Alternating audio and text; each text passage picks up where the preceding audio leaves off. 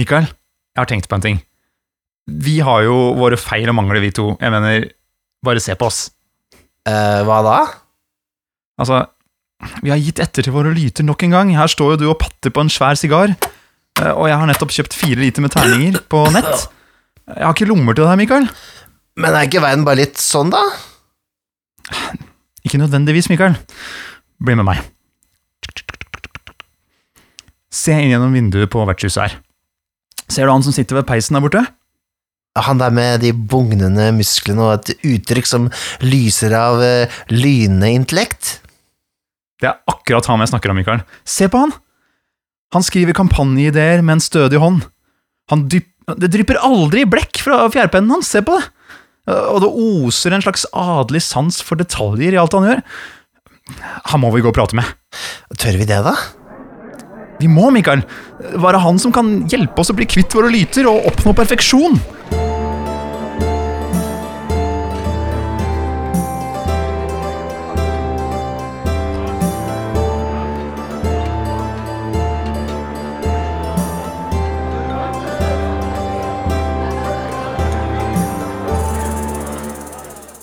Hei og velkommen til Vertshuset. Jeg er Nikolai Krogsrud Strøm. Og jeg er Mikael Stensen Solien. Og jeg tror faktisk at det er vår gode venn Simen Stangeland som sitter borte ved bordet der borte. Skal vi gå bort til han, eller? Ja, vi gjør det. Hei, Simen, så hyggelig å se deg her på vertshuset. god dagen, god dagen. Hyggelig. hyggelig. En, fint å endelig være her inne. Faktisk fysisk. Ja, Ikke sant? Jeg skjønner jo, Vi har prøvd å pusse opp litt, sånn at det skal eh, nå opp til Ja. dine standarder. Altså, jeg har bare hørt på podkasten ganske lenge, og jeg har aldri fått satt mine bein her inne sjøl, så dette var jo uventa. Stor ære. Vi må innrømme at vi kikka litt på deg gjennom vinduet. Du så så stilig ut der du satt og skrev ned kampanjeideer. Ja, ja, ja. Du, takk. Du, takk. Temaet for denne episoden uh, Vi har ikke kanskje landa navnet, men det, det handler vel litt om å spille på sine svakheter. Eller kanskje å spille på karakteren sine svakheter. tenkte jeg. Det er noe som har gått litt rundt oppi hodet mitt i det siste. Ja, ok. Hmm. Så, ikke, så ikke, ikke mine svakheter som at jeg eh, planlegger en halvtime før vi skal begynne å spille og sånn. Det er ikke Det sånn vil, nok ta ting. litt, det, det, vil nok ta litt mye mer innsats, Mikael. Mm. Men, ja, men, så krever før, mye å gå før, inn i. men før vi setter i gang helt med det temaet, da. eh, Simen, vi kjenner jo deg eh, godt. Ja. Vi ble vel kjent i sånn 2013 kanskje, eller litt før der. Jeg er ikke helt sikker. 2011, tror jeg faktisk. Er det så tidlig? Ja, jeg tror, tror faktisk det, gitt. Ja, ja, ja. Det var rundt den uh, utgivelsen av The One Ring, førsteutgaven. Og uh, da ble vi kjent, da vi ble med i en gruppe med deg. Kan ikke du fortelle, meg, eller fortelle oss og verden der ute hvem uh, Simen Stangland er, og, og hvilke spill han har spilt? Oi. Ja, altså, jeg har jo vært inne i rollespill siden jeg var 13, og det ble jo da i ja, Jeg skal kanskje ikke røpe hvor gammel jeg er, men eh, Altså, du kan med røpe hvor gammel du er. Det, Er du en antediluvian, en gammel Ja, vampyr? jeg har holdt på med dette i 30 år nå, viser det seg faktisk. Oi, oi, oi. Ai, ai, ai. På den tiden det var helt nytt og spennende. Jeg hadde en eh, god venn, Jone, som eh, hadde laget sitt eget uh, hjemmelagd DND-klone. Det var mitt første introduksjon til rollespill. Oi, kult. Det originale OSR, eh, på en måte? Sånn skikkelig Absolutt. old school? Mm. Min første karakter levde da kun én kveld. Ja, som seg hør og bør. Ja, så fikk jeg òg en stebror som spilte en del Cyberpunk 2020, så jeg spilte det en god del. Kjøpte, egen, kjøpte boka, kjøpte terningene, fikk med meg en gjeng med kompiser, og så var vi ekte. Da var det ingen vei tilbake. Så det var cyberpunken som var liksom det store. Det, det var det store for meg også, egentlig. Det var jo så tøft Det var så tøft før i tiden, med, før i tida, med Ja, Cyberpunk. Tøft nå For også. Ja, ja, ja, ja, men det er liksom en egen Bare hele stilen til Cyberpunk Det skriker jo etter å bli lest når du ser sånne Cyberpunk-covere. Ja, det er sant, det. Absolutt. Ellers har det gått mye, veldig mye i Dungeons and Dragons opp gjennom årene, i alle forskjellige variantene. Pathfinder spilte vi ganske mye, i mange år. Vampire i veldig mange år. Med da avarter av Werewolf og Wraith og Mage.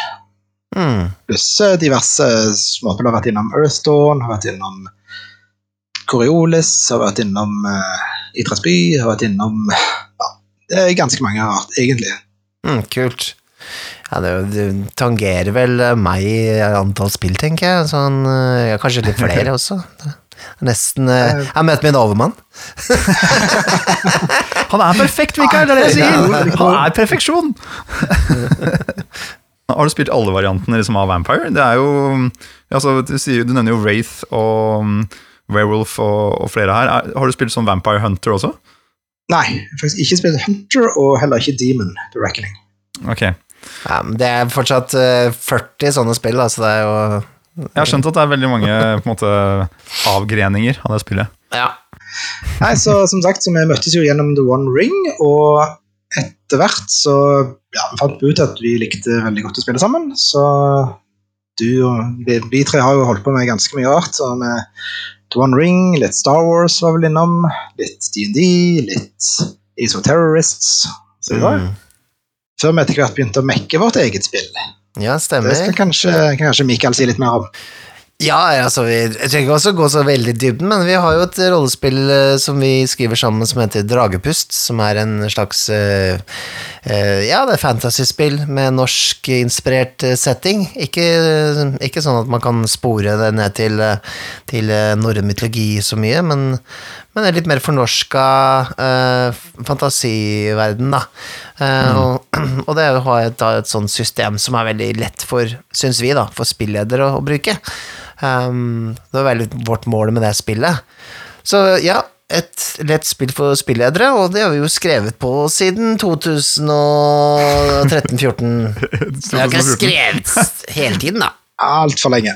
Altfor lenge. Altså, det, er jo, det har jo på en måte vært et happy place å sette seg ned og skrive litt på, uh, på dette spillet og tenke på dere og kose seg med det. Ja.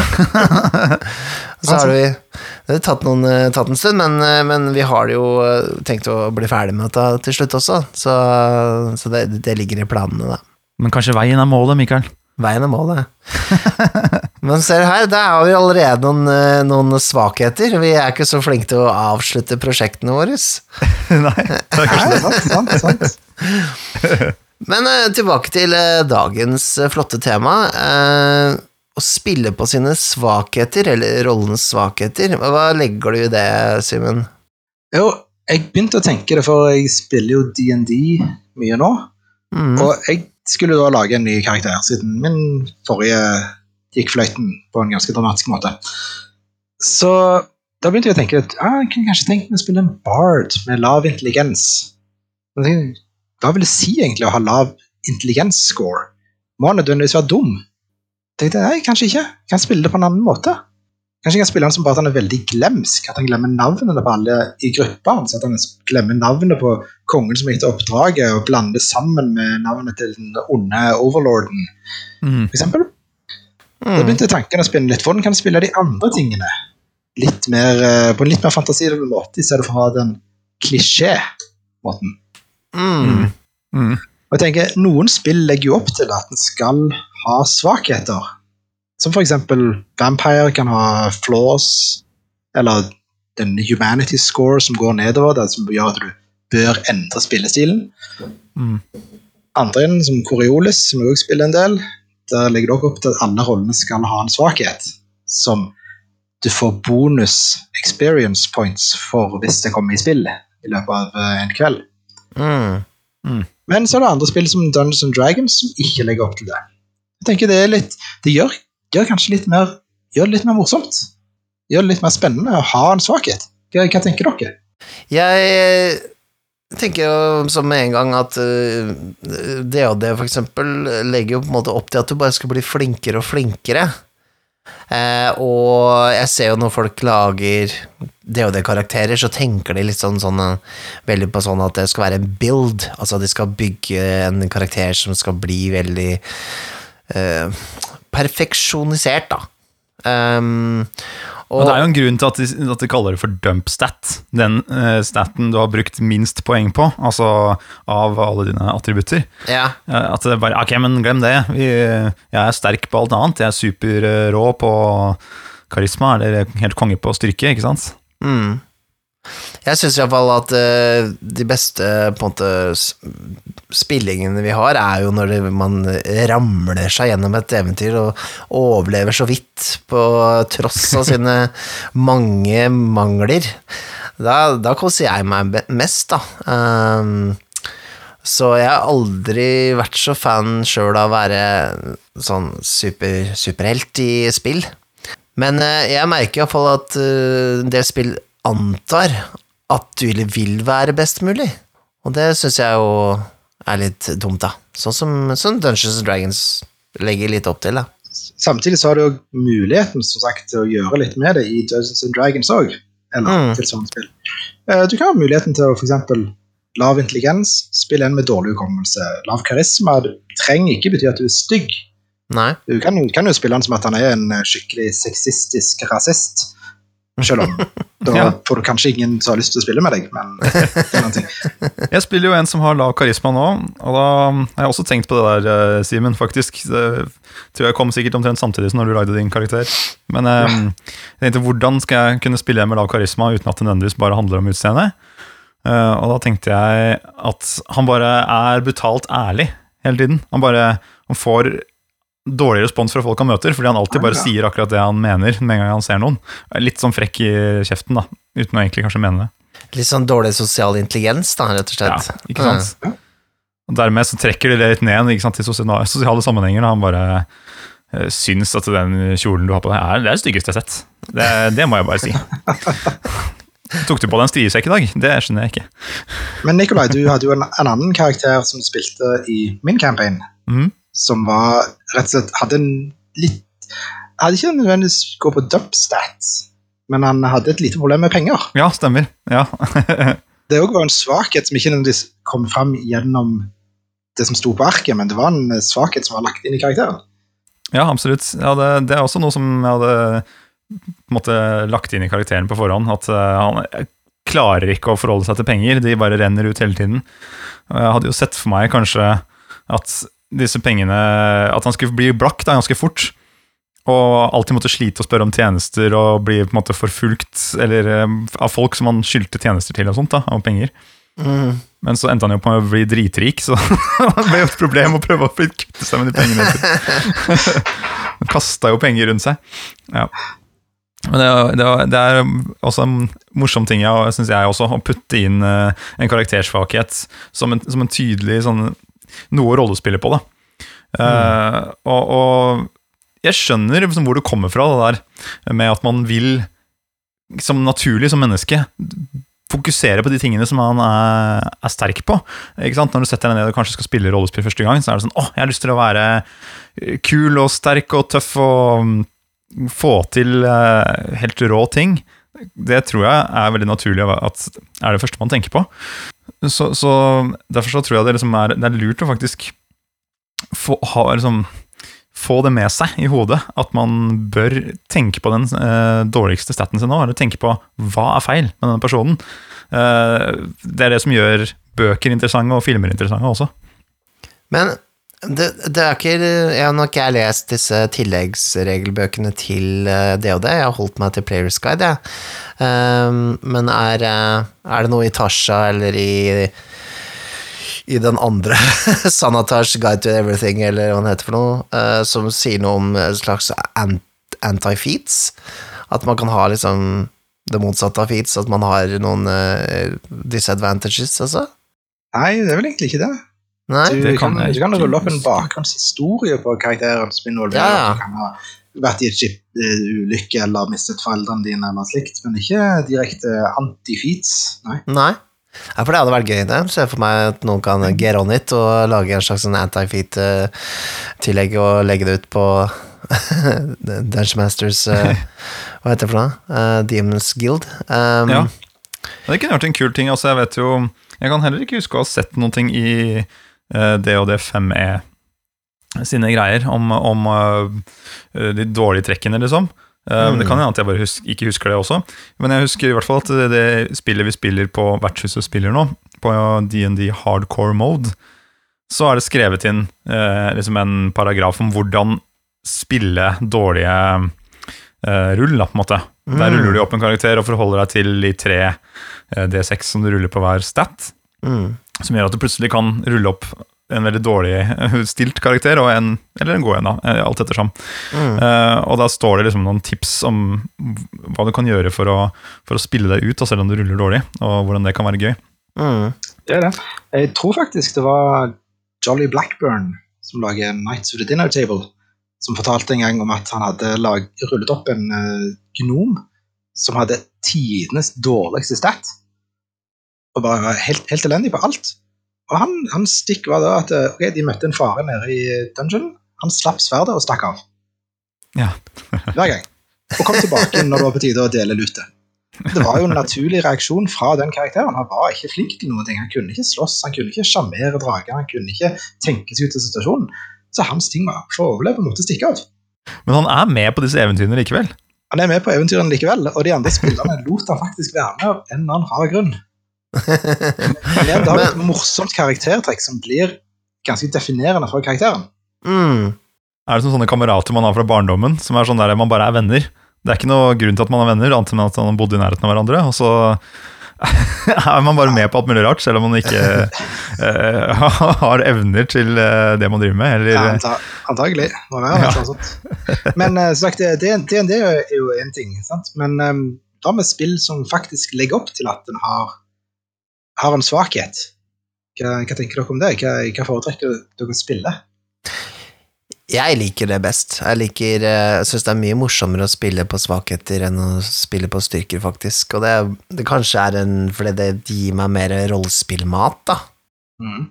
Det hører vi jo fra de podkastene vi har spilt inn, sånn som i Itras by, så har vi jo alle disse ganske negative, dramatiske egenskapene eh, der, som Ja, for jeg var jo ganske eh, Jeg hang så vidt sammen, eh, min karakter, og jeg elsker jo Call Cthulhu. eh, Vampire har jo dette her, men Vampire så er det også en power fantasy, da, så det, det er jo, man er jo kjempesterk, men de svakhetene man har, blir kanskje da enda mer tydelig. Jeg syns ikke svakhetene kommer blir slengt så på bordet i Vampire. Sånn, altså, jeg, jeg liker jo tanken på at det mekanisk, systemet mekanisk kan slenge noen eh, svakheter på bordet som du må forholde deg til. Mm. Og kanskje du liksom Hvis du kan bruke din svakhet, så får du en ekstra poeng. Så nevnte du ikke det, Simen? Spill. Hvilket spill var det? Eh, Det var Coriolis. Coriolis. Det har ikke jeg spilt, men det kunne vært kult å prøve bare for å få den derre eh, Få det litt sånn derre rett foran deg. At hvis jeg bruker denne svakheten, hvis jeg rollespiller godt rundt svakheten min, så får jeg en fordel et eller annet, annet sted i spillet, da, eller noe. Mm. Hvordan fungerer det i Coriolis, da? Eh, vel, alle karakterene har ved oppstart én svakhet som vi velger. Det kan være at du blir jaktet på av en mafia, det kan være at du er avhengig av et, eh, en substans, tobakk eller alkohol. Vanlige svakheter. Og Mm. hvis denne kommer i spill, eller den lager problemer for deg eller for gruppa, at du for sliter med avhengigheten, du får ikke tak i det du trenger i stæsjet ditt, og fordi du er ute på romfart langt ute i space, Mm. Og sitter der med abstinenser, skjelver og prøver å klore på veggene. Ok, greit. Da får du et ekstra experience point på slutten av spillekvelden. Mm. Det er kult. Det avhenger jo veldig mye av at GM-en er lydhør for det og legger det inn. Mm. Hvis du har det at du blir jaktet på av en organisasjon, så må jo den organisasjonen dukke opp. Ja, nettopp. Må, da må det inn i, eh, i den fortellingen du lager. Der syns jeg faktisk at eh, Nå jeg gjør meg klar til å kjøre kult, eh, Divinity Lost, og det er jo et sånn, sånn Powered by the Apocalypse-spill. Um, så det er basert på Apocalypse, World-reglene. Um, men der har de en veldig sånn fin ting som heter disadvantages, og dem skal rulles før hver spilling. Eh, og hvis du ruller bra, så kommer ikke disadvantagen til å dukke opp antakeligvis i løpet av spillet. Da har du på en måte unnsluppet denne spillinga. Men hvis du ruller dårlig, da, så får spillet der noe sånne eh, Det som heter hold. Det betyr at eh, den får en slags sånn score som den kan bruke til å introdusere disadvantagen flere altså steder i spillet. Da. Du vet ikke helt når det kommer til å skje. Så hvis du har en stalker, for eksempel, som en disadvantage, så hvis du da kaster skikkelig dårlig, da, så får eh, spillederen tre hold på stalkeren din, så da kan, eh, kan eh, spillederen introdusere på en måte Ja, det kan være at eh, du går rundt et hjørne, og så syns du ser han stalkeren din stå over der. Hvordan, hvordan vet han at jeg er her? Ikke sant? Man kan skape litt sånn der eh, usikkerhet, da, liksom, og når kommer det til å skje? Det kommer sikkert til å skje på det minst bra tidspunktet, ikke sant? Jeg syns det er ganske fint, for det tillater på en måte litt den derre spillederen å gjøre det. Altså, ofte så føler man jo at det blir litt sånn derre eh, Ok, nå bare finner spillederen på noe greier for å lage grøss, men her er det sånn Det her kommer til å antakeligvis til å skje i løpet av spillingen, men du vet ikke når. Ja, det er kult. Så ligger det der som en spenning. Mm. Stalkers er, det liker jeg ikke å forholde meg til i rollespill. Ass. Det er, det er sånn Å, hva skal jeg gjøre med denne personen som driver og følger etter meg? Ja, det kan være et mareritt, det kan være, det kan være For all del, det kan kunne være liksom at du Andre ting som skjer, da. Det er jo mange forskjellige disadvantages. Men jeg syns det er en veldig sånn kul design, uh, egentlig. For å, få, for å huske på å få det inn, da. For, for spillederen får jo ofte veldig mye ansvar på å få disse systemene i gang i spillet. Mm. Men er det ikke noe sånt i Mouseguard også, eller husker jeg feil? Jeg mener å huske at du får noen poeng hvis du velger å ikke gjøre det mest optimale uh, i en situasjon. Jo. Mm. For jeg, jeg, husker, jeg, jeg husker det vagt, det er lenge siden jeg har spilt Mouseguard nå, men der, Ja. der spiller du jo mus på en måte i en slags fantasy-setting. Uh, altså, jeg bare husker en scene fra hvor vi spilte med han danske eh, Christian, var det hva han het? Mm. Um, hvor han eh, måtte, jeg måtte skulle klatre opp, for det var et eller annet som var gjemt oppi et rede. Det var en nøkkel vi skulle ha tak i, eller noe sånt. Mm. Og så han den musen som han spilte, klatrer oppover, og så det, så ruller han liksom sånn akkurat klarer det, tror jeg, Mm. og får tak i denne. Men da står han med den kloa som han har strukket ut langt opp, og akkurat får tak i, ikke sant? Og da så sliter han med dilemma. Skal jeg nå velge å ikke få tak i den? At jeg akkurat ikke klarer det? Og få noen poeng som jeg kan bruke på slutten? Eller skal jeg velge å klare det, og så bare fortsetter historien, liksom? Ja, for, ja, det stemmer. det. Du, har, eh, du kan velge å, eh, å feile Mm. for å få poeng til å bruke i spillernes runde. Mm. Sånn at du mm, For du har sånn spillederens runde, da er det bare spillederen som kommer med masse hindringer, ba, ba, ba, ba, ba, ba, ba, som dere må komme over. Og så når det er spillernes runde, så får dere poeng fra den kan si, åndslåten av hindringer hindringer til å bruke på ting som dere nesten spilleder sjøl, da. Hva syns dere om den typen mekanikk, da? Jeg må si jeg er fan av det. Det gjør ting litt mer, litt mer spennende, på en måte. Du får mye mer kontroll av spilleren. Mm. Og det er den typen, den, den typen svakheter jeg liker, at eh, spilleren har kontroll over det. Det er ikke bare opp til GM å kaste det inn. At Nei. spilleren kan velge at det her er det et eller annet som kan gå galt. Mm.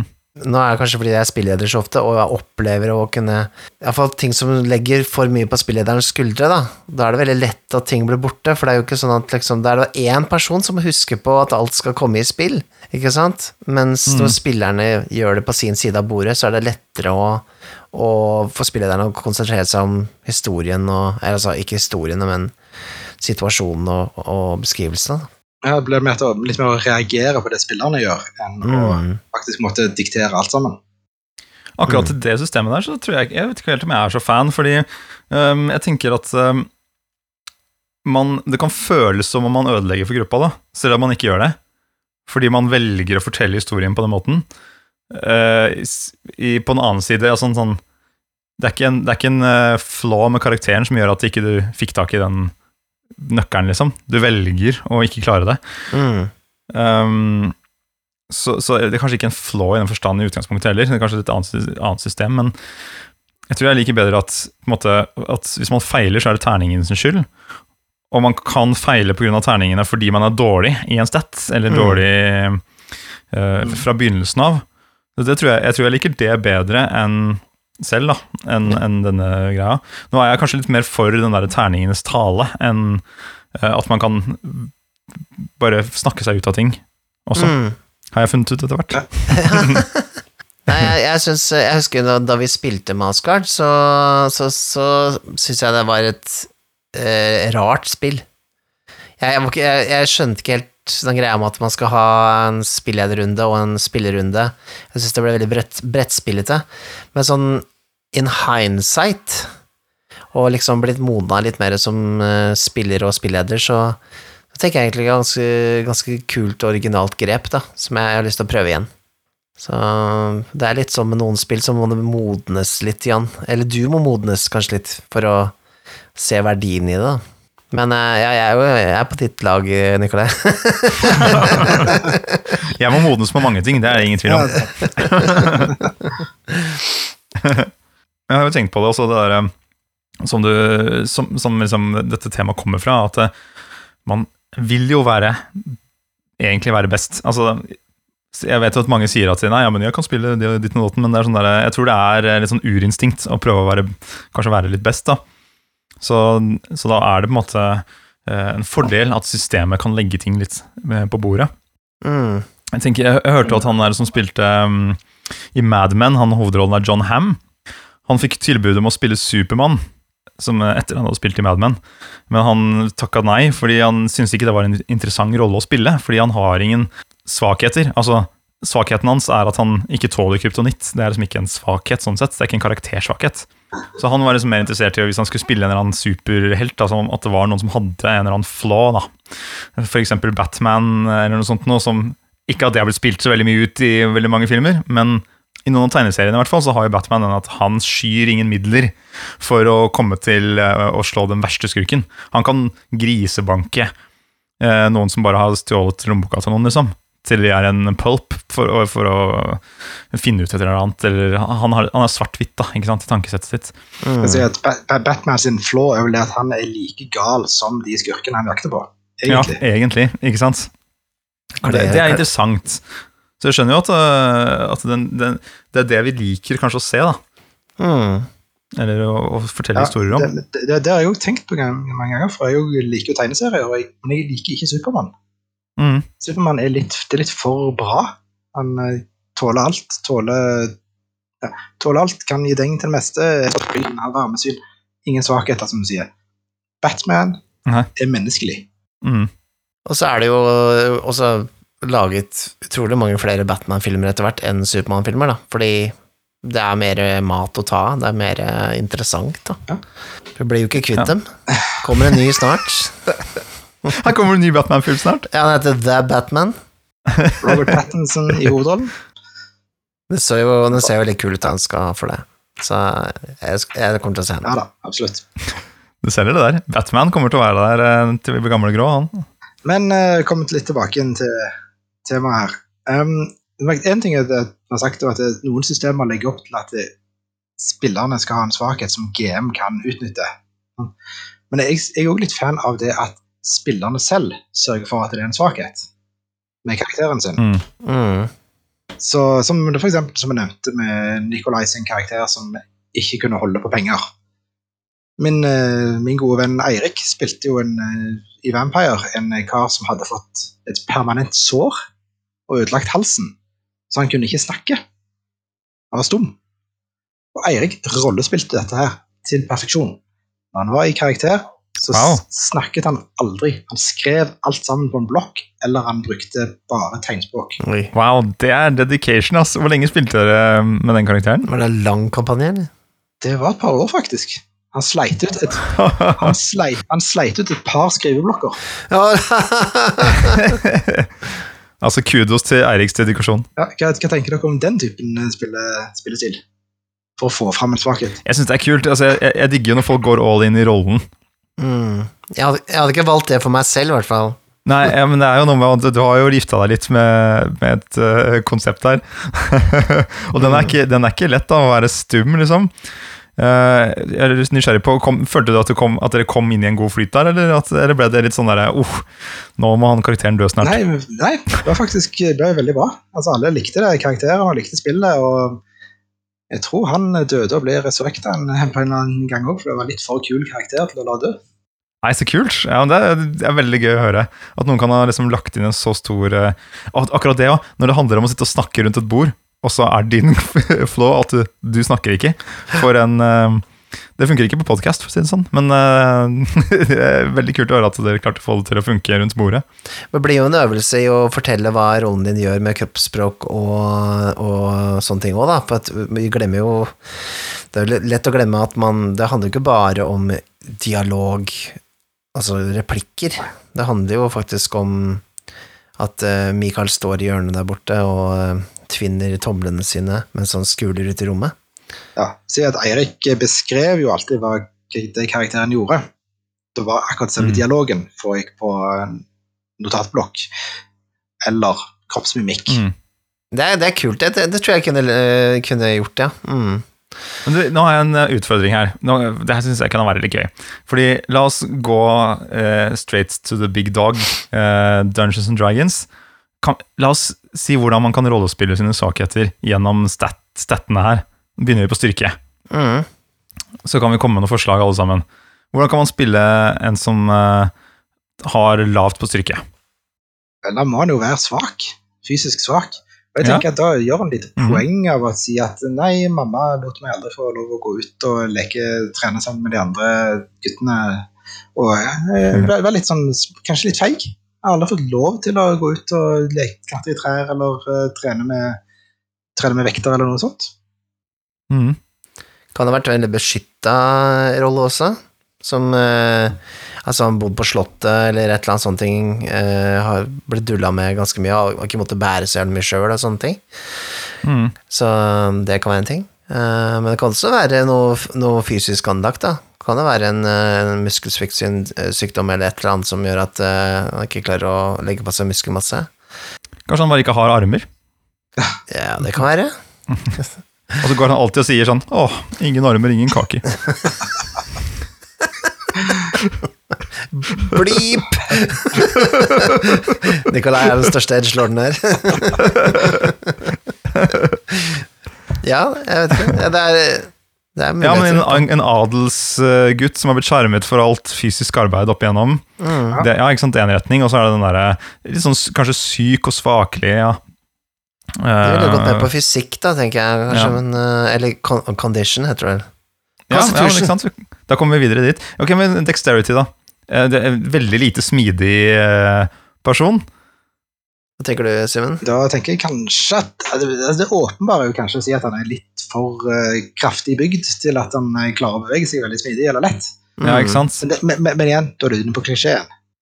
Ja, da, man må jo begynne Man må begynne der, ikke sant? Det er, sånn, det er det første som faller deg inn. Det er også det første som faller meg. Kanskje han er veldig ja, ikke sånn stiv og støl og vanskelig for å løfte egen kropp. Kan, kan, kan, men kanskje han rett og slett er lat? Ja, det er kult, ikke sant? For man må, det er viktig. Han har aldri gidda å lette seg opp og komme i trening og få øvd seg på å bevege seg lett. Eller han har blitt litt småfyldig og knirker litt når han går over gulvet. Mm. Han har ikke lært sine smidighet og finurlige finessegreiene som trengs for det- bra dexterity.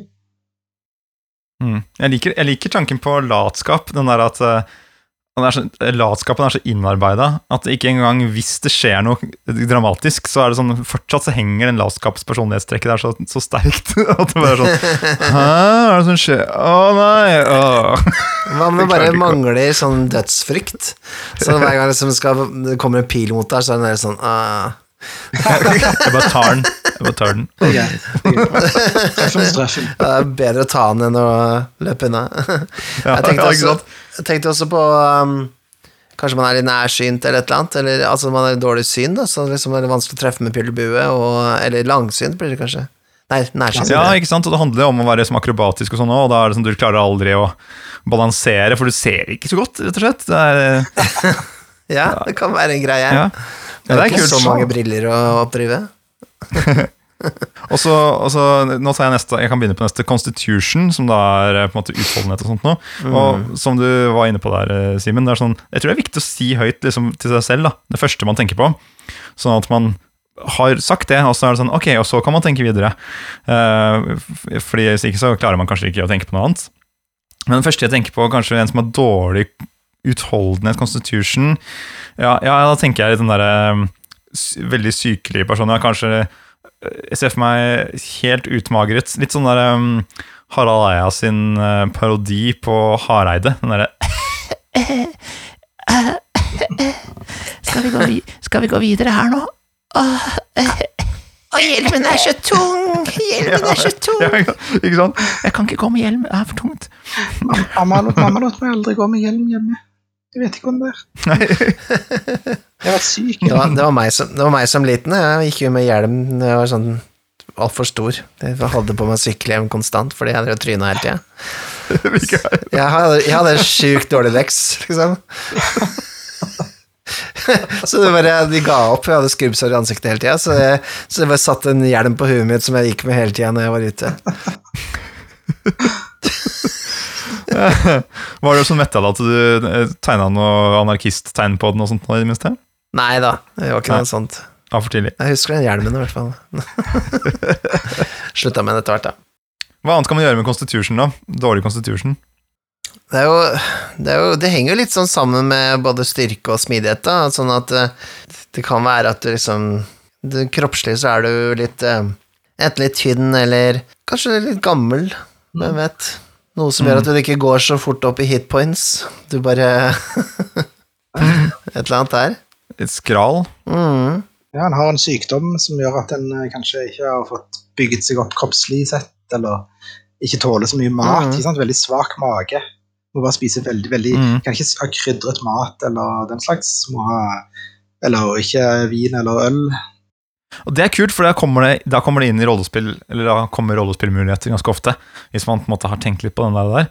Som du sier sånn, ikke sant? Man spiser jo hele tiden, man er i sosiale sammenhenger ofte, og man skal slåss. ikke sant? Og hvis det har denne litt sånn ehm, skrale, eller kanskje litt sånn sensitiv òg. Sånn derre, å, det er for lyst, eller uh, ikke sant, for fort eksem av ting. Bare, å, Det er Dro, det. ja, ikke sant? Armen min kom borti huleveggen, og bare 'Å, nå fikk jeg utslett der. Ja. Men altså, det noe- jeg merker jo nå at det, det, jeg savner disadvantages fra, fra det og det, da. Virkelig, liksom. Ja, det er jo, Her er det mye å Det er jo litt sånn eh, Ja, du kan jo beskrive det i fiksjonen på den måten her, men det blir jo litt sånn Det er ikke, det er ikke helt adekvat, på en måte. Du skulle gjerne hatt noen anti-feats Ja, du, du, du, du må legge litt for, å, for å beskrive jeg du, må, du må legge det inn litt kunstig. at Det er ikke noe i reglene som tilsier at du skal gjøre det. Nei, nei, det er ikke det. ikke sant? Men det, det, jeg bare merker jo hvor mye moro det er i, i å spille på dette. Men vi, vi må ta de tre andre her. da, ok, Intelligens. Lav intelligens. Der hadde du allerede et forslag, Ja, hadde du som sagt, veldig glemsk. Du glemmer Mm. navnene på alle i party. Klarer aldri for noen av det helt riktig. Du går inn på puben og interesserer Vi er sendt av den onde trollmannen for å ødelegge den gode kongen. Fordi du har blandet sammen navnene.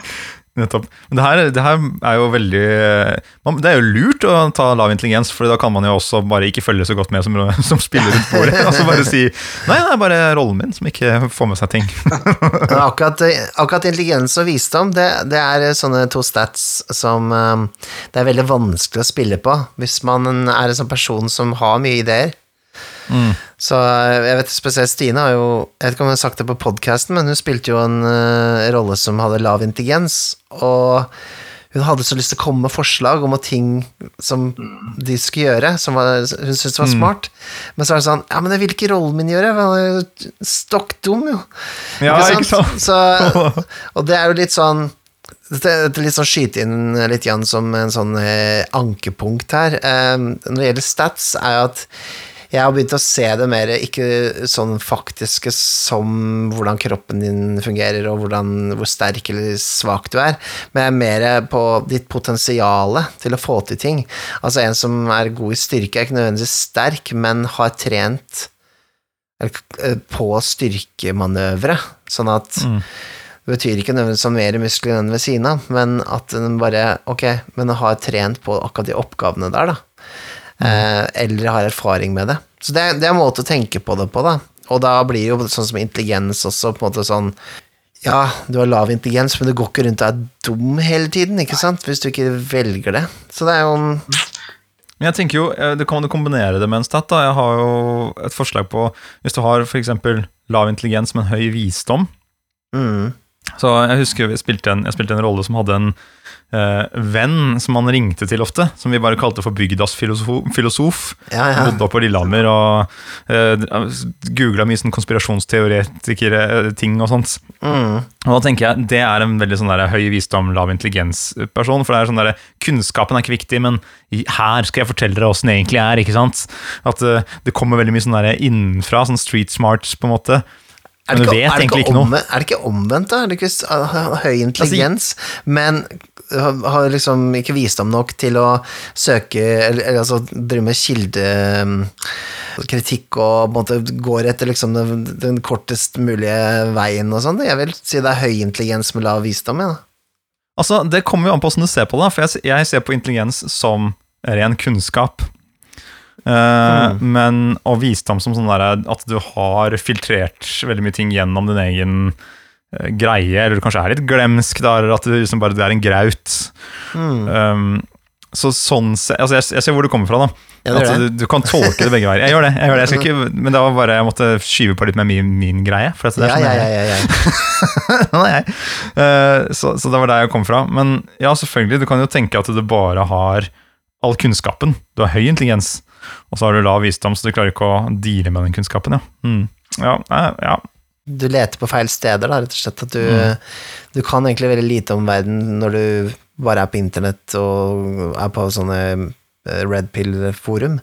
Ja, det kan være sånn at du er på men spekteret, da. Du kan hende du tenker jævlig mye og er smart, smart sånn ellers, da. Ja, det kan være sånn autismespekter-greie, holdt jeg på å si. At du, du har alle korrekte fakta, de husker du helt perfekt. Men du, som du sier, du har ikke visdom, du har lav visdom, da, kanskje. Så du, Mm. du klarer ikke å lese rommet eller noe sånt. I det hele tatt, Du bare kommer med faktaene dine og Mm, mm. ferdig med det. Ja, det er vel litt sånn opp for, up for debate, det der, hvordan man skal tolke de tinga. Jeg klarer det ikke sjøl, Mikael! Det er ikke Å, Simen.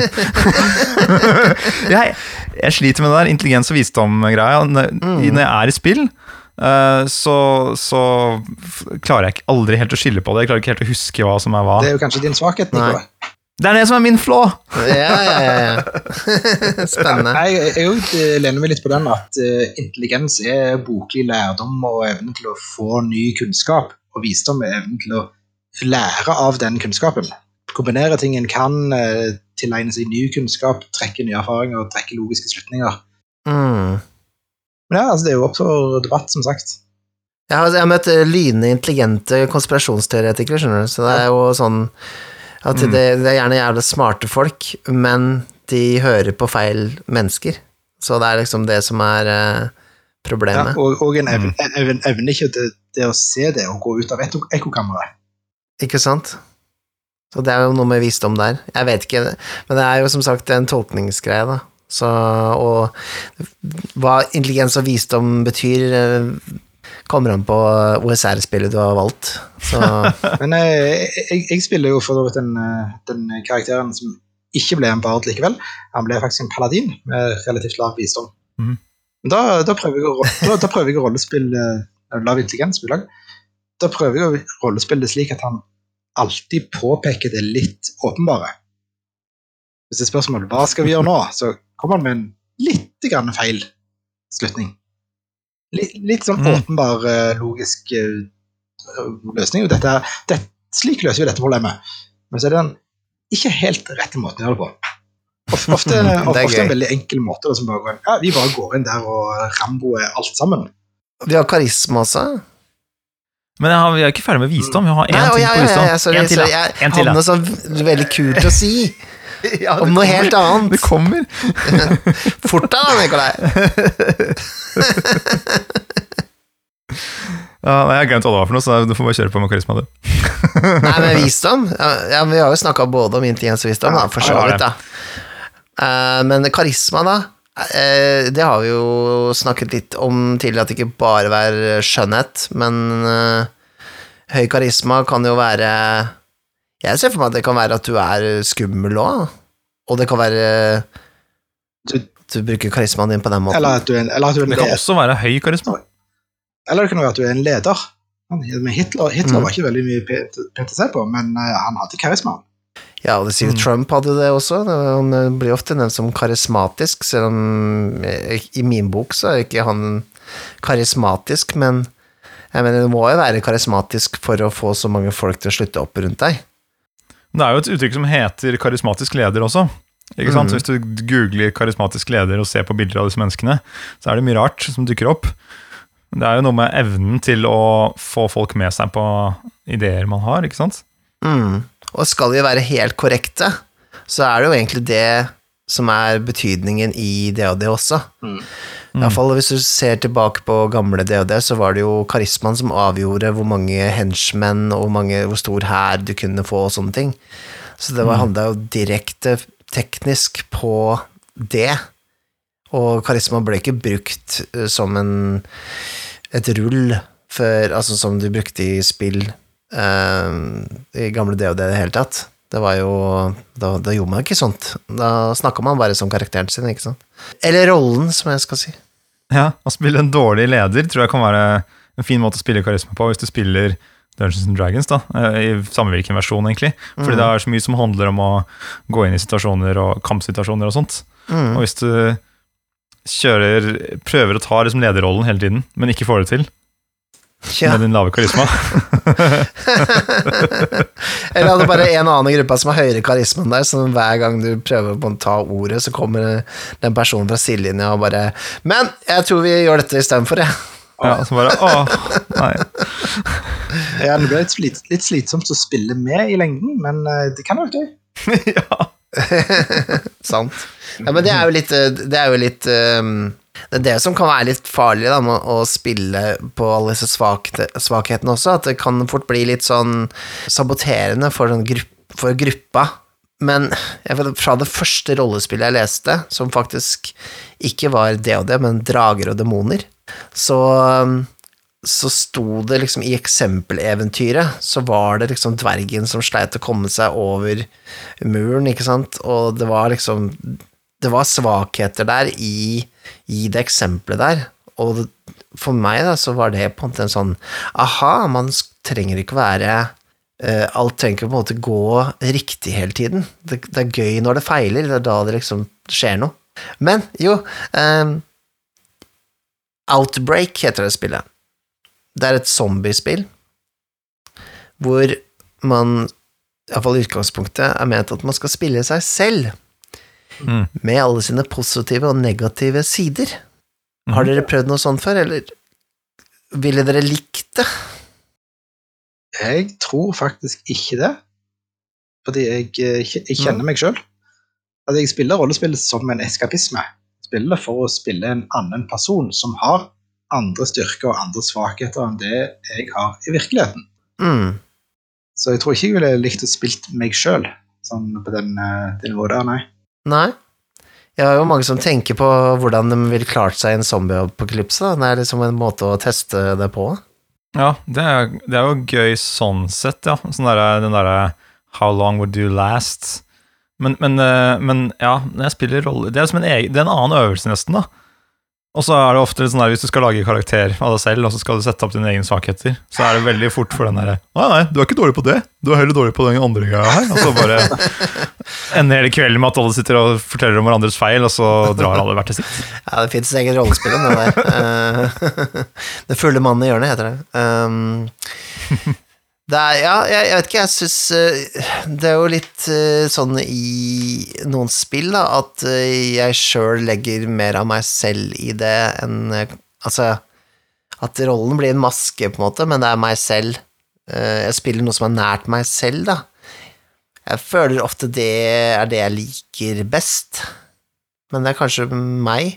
Man tar jo alltid noe av seg selv inn. Det gjør man jo. De beste rollene har vel egentlig mye av, av deg sjøl, Mm. men eh, Nei, men ikke 100 meg sjøl. Det, det tror jeg ikke jeg ville klart. Jeg vil heller, jeg vil heller, jeg vil heller leve ut uh, Oppdage litt nye sider ved meg sjøl i rollespill. Ja, ikke sant? Og de virkelig, virkelig gode spillene som jeg har spilt uh, Igjen, eh, vennen min Eirik han eh, ledet òg en eh, Vampire Campaign. Det var veldig veldig lang, der han gikk nedover på denne humanity-skalaen hele tiden. Mm. Og du fikk liksom den veldig langsomme, seige overgangen. At du ble mindre og mindre menneskelig. Og ble mer og mer følelsesløs og kynisk. Og det var sånn Hun levde deg skikkelig inn i de rollene der. Det var veldig interessant å oppleve rett og slett hvordan klarer jeg å tenke sånn som dette? Mm. Det, det er ikke meg i det hele tatt. Men når jeg var inne i rollen der, så var det helt eh, Det var som å skli inn i en annen personlighet.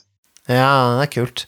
Og det, og det kule med det er at det, det er jo noe av det beste biproduktet som finnes med rollespill, nesten. Det er å se en situasjon fra flere synsvinkler. Samtidig. Det er liksom en kur, det er en kur mot å ikke se alt helt likt hele tiden, men å på en måte vie, vie horisonten litt på måten man ser verden på.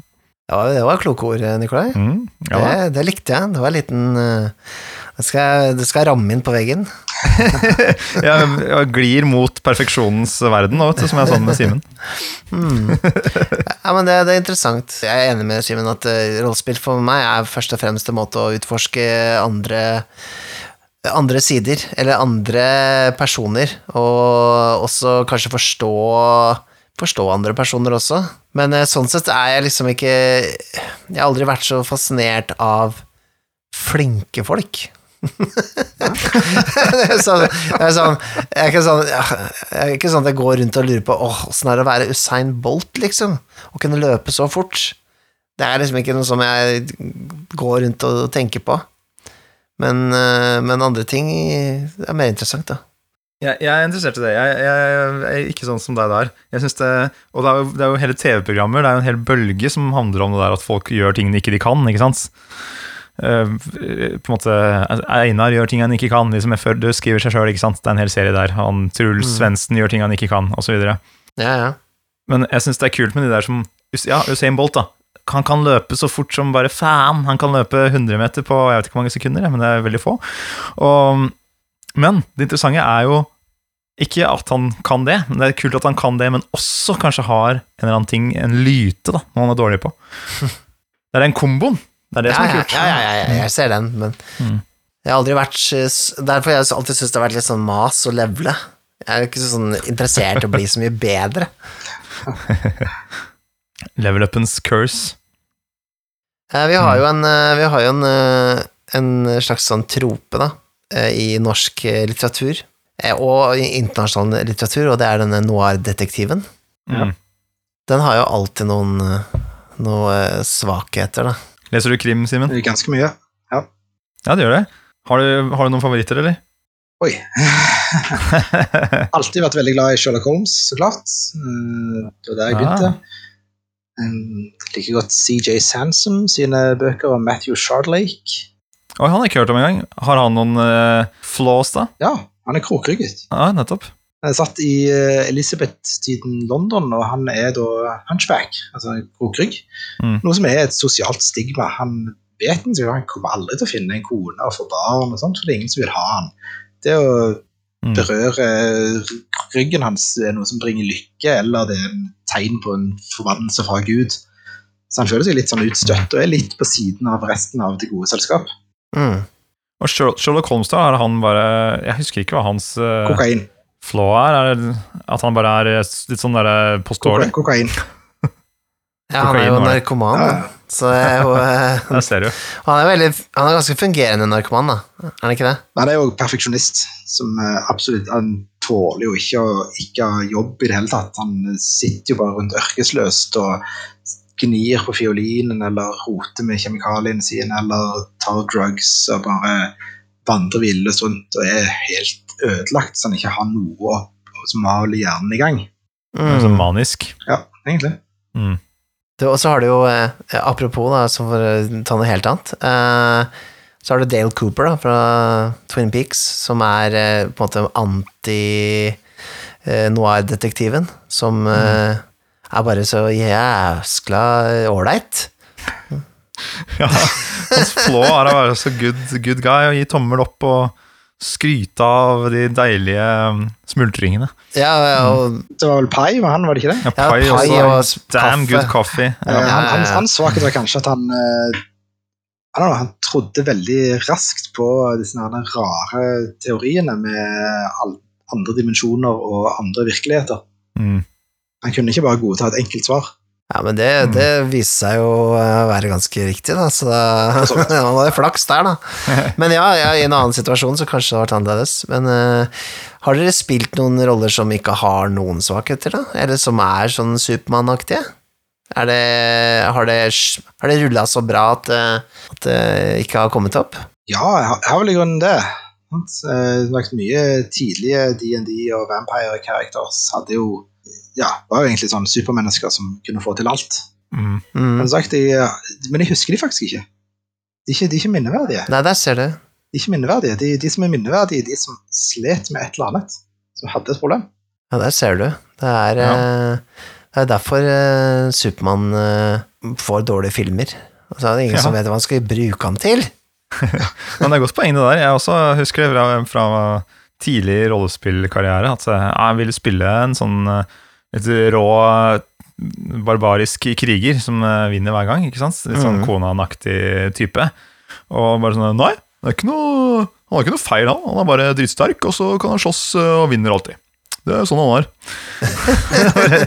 ja, det er spennende. Men det er jo sånn, eh, det er jo sånn eh, på en måte, i hvert fall gammel DOD, og jeg er ikke gammel DOD, for da havna du nesten alltid med noen dårlige stats, men det er jo en eh, 5E er jo en power fantasy sånn sett, det er jo bygd for at du skal bli bedre og bedre og bedre.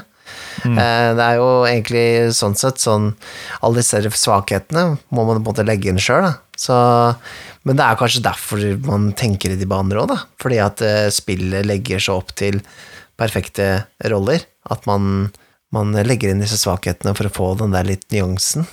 Men det er kult hvis du har rulla en dårlig stat, og ikke har lyst til å spille den selv, så, så blir jo på en måte virkelighets um, sånn back to reality-greia blir da når du blir dratt i fordi du ikke fikk til det du skulle få til, men jeg er jo Supermann, og så har jeg dårlig intelligens, liksom.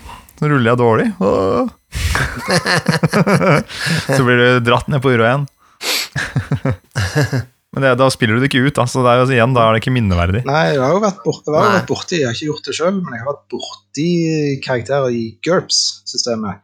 Det var jo lagt opp at du fikk bygningspoeng med å ta flås, eh, svakheter. Sant? Som du kunne bruke på fordeler, eller bedre stats, eller bedre skills, eller hva du kalte det. Og jeg har vært borti karakterer som hadde alle negative trekk i boka. Som var steril alkoholiker, utstøtt av stammen sin og bistygg albino dverg med klumpfot og så videre. Men Sier du at det å være dverg er en så- eh, så- negativ ting? Det var faktisk greier. Altså. Ja, it's too much, Men man. eh, tingen det kom jo aldri i spill.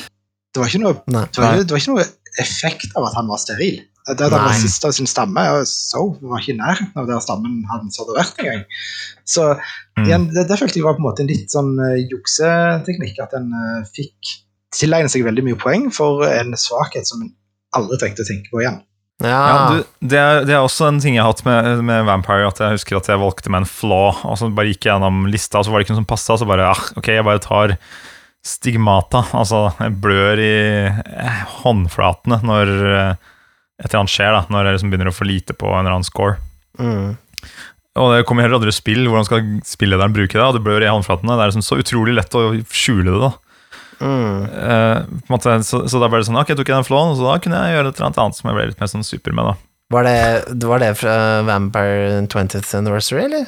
Eller var det Jeg tror det var fra Vampire når vi spilte i Oslo. Oslo, Oslo ah, ja. Det skjedde, det skjedde vel et par ganger, gjorde det ikke? Jo, jeg tror jeg, men det, igjen, det var liksom, da hadde det skjedd så mye annet at det Ja. gjorde ikke noe, på en måte. Nei, det er sant, det. Mm. Det er jo egentlig ganske dramatisk. Jeg har jo vært borti en, eh, en rolle som vi har spilt med alle sammen, som uh, rulla utrolig godt på alle sine stats. Og, og det her er jo en fyr, eh, Marius Engebø, Mm. som eh, vet eh, liker å liksom gi mye karakter til, til rollene sine. Så han eh, tror jeg var sånn, han sleit litt når han som hadde rulla opp Omad, krigeren. Eh, og alt var så utrolig bra, så, men han klarte jo å putte inn eh, mye, mange trekk da, som gjorde at han kunne rollespille godt likevel. Mm. Fordi ja, Selv om alle statsene var høye, så putta jeg inn Ok, han har veldig mye omsorg, som på en måte blir noe Omsorgen blir noe som trekker han i en retning, og det er på tross av alle stats. ikke sant? Så han hadde en alkoholisert far, som han, eller sånn fosterfar, eller hva det var. da. Som var sånn Ok, men jeg må dra dit, og leve, han levde seg inn i denne flåen som faren hadde, da. Ikke sant? Og han ble som en del av. Mm. Og så hadde han også den der at han var veldig sånn rett på sak-type. Fordi når alt går deg godt i livet, eh, så kan det være litt rett på sak å bare si ting som det er, og litt sånn eh, Ja, gå rett inn i ting, da, uten at det kanskje skjer noe galt. Ikke sant? Fordi, og da blir det sånn et, et trekk, uten at det er et negativt trekk nødvendigvis. Det syns jeg var en kul måte å gjøre det på, når du ikke hadde noen Mm. flås der. Hvordan spille at du Ja, sp- Hvordan spille ut at du er blitt så utrolig ja, god. det, det, det er en fantastisk eh, karakter, som, som alle sammen husker Mm. en gang. Fordi han hadde negative trekk. Ja, han tok det liksom litt på seg, da. Det var jo Uten statsene så, så klarte han å liksom bygge det inn likevel. Men kan man ikke også si at det å ha veldig gode stats i seg sjøl mm, kan være en flå, da? For at hvis du legger det inn at da blir du på en måte håpet til alle. Da, da blir du på en måte det, er så mye ansvar som legges på dine skuldre. Du skal liksom bli den store, du er liksom forbildet, men det er ikke sikkert du ønsker nødvendigvis å være øh, den helten, men du blir liksom dytta inn i rollen. Eller du blir Gaston fra Beauty and the Beast, som eh, bare sier sjøl at han er helten. Så, så klart jeg skal gjøre dette. han Jeg kan ikke gjøre noe feil. Jeg er helten i denne historien. Den er bra. Være Gaston. Han har, eh, han har høyt på alt. Han har eh, kanskje ikke intelligens, men han har iallfall på karisma og styrke og dexterity, og han er han er, ikke sant? Han, han er jo den derre Han er jo skurken i historien, men samtidig så, så er han en helt i sitt eget hode. Mm. Det er for noe å tenke på da, hvis du, hvis du går for eh, Hvis du har rulla jævlig bra. Og kanskje Det er jo ikke sikkert at eh, du hadde lyst til å være så god i alt. Nei, nettopp. Ja, ikke sant? Så kan eh, mm. Det er, jo, det er jo faktisk minimalt med mennesker som er komfortable i sin egen kropp. Altså komfortable i sin egen hva skal jeg si, person, da. Selv hvor vellykket de er sånn Hvilket lodd de har trukket i livet, da. Mm. Så, så det er jo Det at man er god i alt, betyr jo ikke at man ikke har noen, noen svakheter, da. Apropos det, vet du hvem som er de mest lykkelige Altså sånn, hvem som er mest lykkelige i sitt yrke? Sånn statistisk sett. Nei. Nei? Det er faktisk det er sånn, eh, Blant topp tre på lista så er eh, de som har valgt eh, eh, å ta på seg klede for en eh, høyere makt. Blant annet våre venner her som står og synger her i bakgrunnen. Kan vi høre de synge her nå?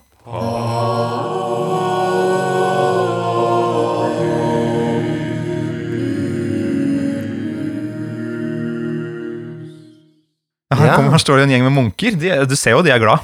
Ja, de er veldig lykkelige. Det er en happy bunch, og det er jo fordi de har uh, gitt eh, livet sitt vekk til uh, en høyere makt. Da Har de gitt det slipper de å tenke på noe. Har de gitt Ja, vekk? Ja, de har jo De bør jo ikke tenke på noen ting. De, de har jo svar, fått svaret på alt servert i, bo, i godboka. Ikke sant? Og her har de jo en eh, knusktørr papirhus til oss, faktisk. Og veldig tørr òg. Ja, den ramler fra, fra hverandre her. Den har ligget nær peisen. Det er det. Mm, og de, det står skrevet ganske mye på den. Skal vi se her. Skal vi se, vi, vi får rulle den ut, da. Skal vi se. Ja, det er eh, Thomas CS Pettersen som har skrevet på rollespill.info, og så har det blitt transkribert ned av munkene her. Er det for tidlig å spørre hvilke rollespillgodsaker som kommer på ønskelistene deres i år? Jeg mener, Det begynner vel å bli på tide å informere venner og familie nå, for sikkerhets skyld. Altså, jula kommer! Hva, har vi noen, eh, er det noen eh, rollespillrelaterte ønsker dere har begynt å tenke på allerede? Er det noe som eh, å, frister der ute, som dere kanskje tenker ja, den skal jeg spare til julaften? Til ønskelista. Ja, Mikael, du har en? Ja, eh, jeg har veldig lyst på den boksen til Old School Essentials. Ja. Den er eh, Jeg tror ikke den blir klar til jul. Den er, eh, den er out of print, og eh, vi har jo en sånn shippingkrise internasjonalt, så det er jo liten sjanse for at den er under juletreet, da. Men skulle jeg velge, så tror jeg kanskje jeg hadde lyst på den.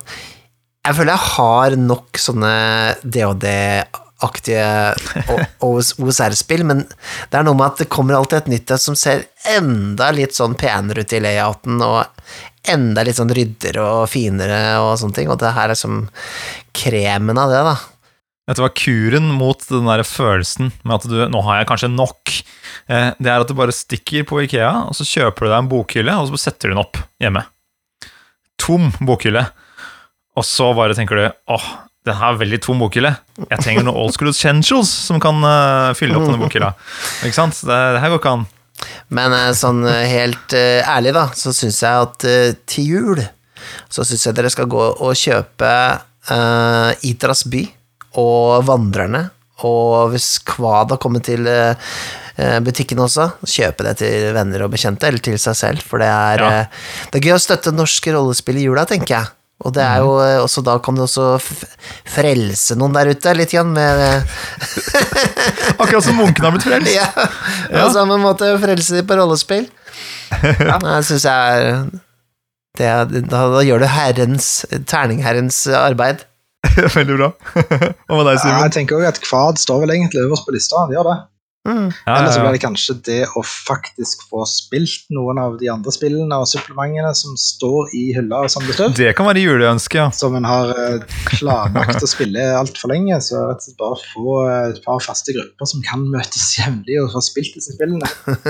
Litt sånn der, du får, det du får i eh, gave, er en lapp hvor det står 'Torsdag 31. januar, da skal vi møtes og spille det og det spillet', liksom. Mm. Da har jeg jo såpass flaks at uh, kona mi er med i samtlige av spillegruppene mine, så vi har det ganske greit bare for å ordne barnevakt, så er begge to ute av huset. Ja, så jeg har alltid noen å spille med, men uh, det er aldri problem ja, det er aldri, aldri noe problem å få, uh, få tillatelse av kona til å spille, Nei, ikke sant. men Mm. trenger, litt, trenger litt flere. Men du da, Nikolai? Hva, hva, hva står det på ønskelista til eh, Nikolai? Nei, altså, jeg driver og sikler på noe, en sånn kickstarter to come. Så det er sånn der kickstarter som er annonsert. Da eh, kan det vel hende at ikke det kommer før jul, men det kan hende at de har klart å ordne det sånn at de gjør det likevel, hvem vet. Men Mørk Borg fins. Det fikk jeg i jul til deg i fjor, Mikael. Ja. Var litt av ei blekke, for å si det sånn. ja. Eh, først tenkte jeg det her er bløtkake fra helvete, med bare design og ikke noe innhold, men så, faderen heller, altså, så har den grodd på meg. Mm. Eh, men det som kommer nå, som de driver og lager borti Sverige der, der de baker de deiligste rollespillbakverk, det er jo en eh, ny versjon av Mørk Borg som heter Cyborg. Som er rett og slett eh, cyborg-versjonen av Mørkborg. Altså uh, cyberpunk. ja. Og den ser jævlig kul ut! Ja, det så Og- ikke sant, Cyberpunk, det, er jo selve på en måte eh, designens mekka. Der hvor du kan kjøre på med neon og kule briller, ikke sant? Til det står Ja, det, er, det, det må jo bli en jævlig fet bok, tenker jeg. Den ønsker jeg meg. Den skal stå på lista i år. Hvis den Ja. rekker å bli en kickstarter før jul. Å, det tror jeg ikke den gjør, altså, Nikolai. Men, men Mikael, ikke si det! Nei, men altså, den annonsert kickstarter, og det, det tar litt tid før den kommer hit. Mikael! Du må ha trua! Se Ja, på alle jeg- munkene siden av meg her. De har trua. ut. Det ser dritkult Jeg har ut. trua. Ja, Men eh, jeg har ikke trua. det er jo kult, da. da. Da har man tenkt gjennom hva man har lyst på, da. Ja, Ehm, og og ehm, vi eh, her på Vertshuset vi tar imot donasjoner i form av gaver. Hvis eh, Ja, det er det jeg skal ønske meg. Jeg skal ønske meg patrons til vertshuset istedenfor å ønske meg eh, cyborg. Sant. Hva munkene ønsker seg under bordet her, det er under bordet, under juletreet. De ønsker seg bare fred på jord, de. Hva de ønsker seg under bordet, det, ja. det er det de gjør. Vet du. Det er så kjedelig hver gang, den freden på jord. Kunne de ikke hatt noen litt mer sånn derre evil wishes? Altså, de som har onde ønsker, eh, som er litt spennende, det er trollmenn. Fordi trollmenn, de, de ønsker seg alltid liksom eh, mer makt. Det er det som de vil ha under juletreet. Mm. Er ikke sånn, Simen? Det stemmer. sant? Makt og kunnskap mm. er jo det eneste de lever for. Og det, av, og til, av, av, av og til så går det galt. Ja, det er det. Akkurat det går gærent innimellom. Og apropos det, så har du sett han der fyren som sitter inni, inni hjørnet der borte? Han som det virker som den pulserer en sånn mørk kraft rundt. Ja, jeg la merke til den i stad. Faen. Nei, Er det en- nei, nei, nei. Er det en nei. Nei. Er det en Å, nei, Jo, nei. Jeg tror det er Nei. Det er en! Nei, jeg tror det er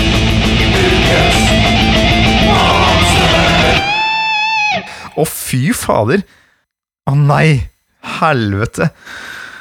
Simen, hva er det her for noe? Det er en eh, liten kar som jeg faktisk traff på forrige uke.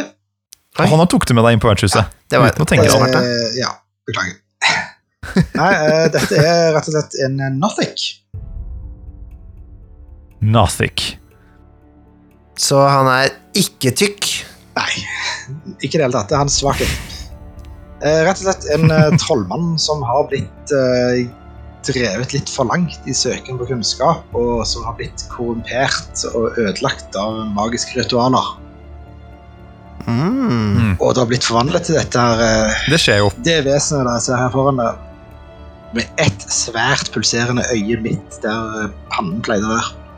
Ja, Og så har han noen klør, eller hva heter han, sånn, det stikker ut noen sånne hønn fra armene Ja. hans. Men det som er det verste med Nothicen, det er jo det at han faktisk kan lese tankene dine. Og kan lese de dypeste, mørkeste hemmelighetene som du eller karakteren har. Ja. Og den eh, blir vridd mot deg. Så når Det som skjedde i forrige uke, var jo faktisk at eh, min eh, GM Jeanette Amundsen hun eh, brukte denne her på en fantastisk måte. Vi gikk inn i hula, kom fem meter inn, og så hørte du stemmen din i hodet. Å ja, hva ville mamma ha sagt hvis hun fant ut om denne her affæren du hadde da du var 16 år gammel? Eller, ja, alle de mørke hemmelighetene ble dratt ut og plantet telepatetisk. Noen vet om dette. Alle sammen bare tenkte Nope, I'm out of here. Og ut av hula igjen. Det er kult. Før noen plaprer, liksom. Ja, så vi, vi endte opp med å gå inn igjen, men det er ingen som har lyst til å tangle med den Nothicen. Men eh, siden temaet for dagen her var å få fram svakheter. Og som sagt, Jeanette hadde gjort dette på en fantastisk måte og sikra på forhånd at alle hadde gitt henne beskjed om hvilke hemmeligheter karakterene hadde. Mm. Sånn at derfor kunne Nothican plante denne inn i skallen vår eh, Mm. uten at de andre fikk vite det. Og alle sammen ble livredde med en gang. Så det var utrolig bra, bra gjort. Og det tenkte jeg når temaet for dagen var å spille ut sine svakheter og få fram hemmeligheter. Ja, dette må, jeg, dette må jeg spille på. Så jeg gikk tilbake til hula og fikk tak i han karen her.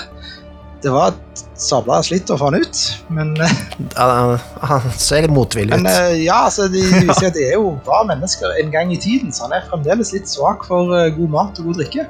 Ja. Ja. Så med rett, rette bestikkelsene så gikk det greit. Han koser seg med bøkene vi har i hylla her. fall, Det er jo at han spiser de, men mm. OK. Ja. Det har så lyst. Hva er forskjellen mellom en Nothic og en Lich, da? For det er ikke det litt av samme? Det er, å ja, for en Lich er undead? Er det det som er greia? Ja, Sant, men en Nothic har ramla inn i en slags magisk felle som ble plantet av en, ofte en lich. Asererak har vel plantet noen av de Forgotten Realms. Vekna, den guden for hemmeligheter, har visst plantet noen. Og Nothingen, i sin jakt etter kunnskap, graver litt for dypt og utløser denne fellen. Okay. Som da gjør at de blir transformert til denne beistet som bare dveler i mørket og lokker til seg uskyldige folk som kan eh, lure hemmeligheten ut av å spise. Jeg, jeg, jeg tenker i hvert fall at Nothic i kombinasjon med Kult til Lost og alle de dark secrets du har der, det er en eh, eksplosiv uh, blanding. Ja, det kan være fint. Nei, ikke gi Mikael ideer nå, vi skal jo spille det snart. ja, ja. Fy fader. Men eh, det, det Jeanette gjør der, syns jeg er kult. At hun um, har da funnet uh, et, et beist fra monstermanualen. Altså liksom, eller bladd her, da, tydeligvis. Kommet frem til denne skapningen. Jeg har aldri hørt om den før. Eh, og så bare Aha, her har vi noen kule trekk. Jeg kikket litt på den eh, her når jeg, når jeg så han komme inn på vertshuset. Eh, og har, da tenkte jeg her må jeg bla opp i monstermanualen. Så jeg på noen stats den hadde. Og det som er kult, er at den har jo denne At den, han psykisk på en måte rollespillmessig fokuserer på disse mørke hemmelighetene. Og så har han også noen ganske gode eh, kampfysiske trekk, da, hvor han har dette blikket som han kan sende på deg, som råtner vekk huden din, så den bare flerrer av i store chunks, store biter. Så det er frykt både på indre og ytre plan. Og det, det, det er liksom oppskriften på et kult beist. da. Det er jo faktisk monster. Ja, og som sagt, Jeanette hadde gjort dette veldig smart og sørget for at alle hadde sendt inn veldig diskré. Et par eh, sannheter om karakteren og et par hemmeligheter. Veldig, veldig bra. Så kud, Det er bra spill i det, ja, kudos henne for den. Det er veldig kult. Kudos. Men det, hvordan kan vi bli kvitt han her, da? Altså, jeg tenker Kanskje ikke vi behøver å bli kvitt han. Han har jo dette blikket som kan uh, råtne ting. Kanskje Altså Selv så er jeg Jeg elsker jo rakfisk. Og apropos at uh, jula kommer, kanskje vi skal ta og gjøre om den der deilige ferskefisken vi har, til litt uh, rakfisk istedenfor? Hei. Hei, hei, hei, du. Se her, se her, se her. Ja, se, Oi. se på den. Å, råtna med en gang. Se her. Der, vet du. Så deilig. Det er bare å forsyne seg. Ja, deilig. Ny Nyrødt i en Ja, nei, men jeg har, eh, har hørt om at folk har eh, tatt med seg norskene inn i party og latt, latt de bli et eh, medlem av gruppa. Så jeg foreslår vi lar han sitte her i hjørnet og meske seg litt. Grann, og så eh, kan vi prøve å få han ut når han har fått et par krusøl innabords. Ja, altså, hallo, Hvis han kan så mange hemmeligheter, det kommer jo til å bli mange gode historier utover kvelden. Ja, så klart. Alle liker sladder. Ja, Kanskje ikke våre hemmeligheter. Ja, Vi får se. Den tar jeg med meg til grava. Vi får se hva vi får ut av den. da. Men da, da foreslår jeg at vi bare fyller opp seidlene våre, og så sitter vi litt ut, utover kvelden her. Det skal, tenker jeg at det skal jo lytterne våre få slippe å høre på, alle de mørke, mørke hemmelighetene. Ehm, så, så da kan vi heller la Roland eh, spille opp eh, litt musikk. Han har, han har mange mørke, Ja, å, mørke nei. hemmeligheter. Han, er, han, han holder seg langt unna Nottingham, for å si det sånn.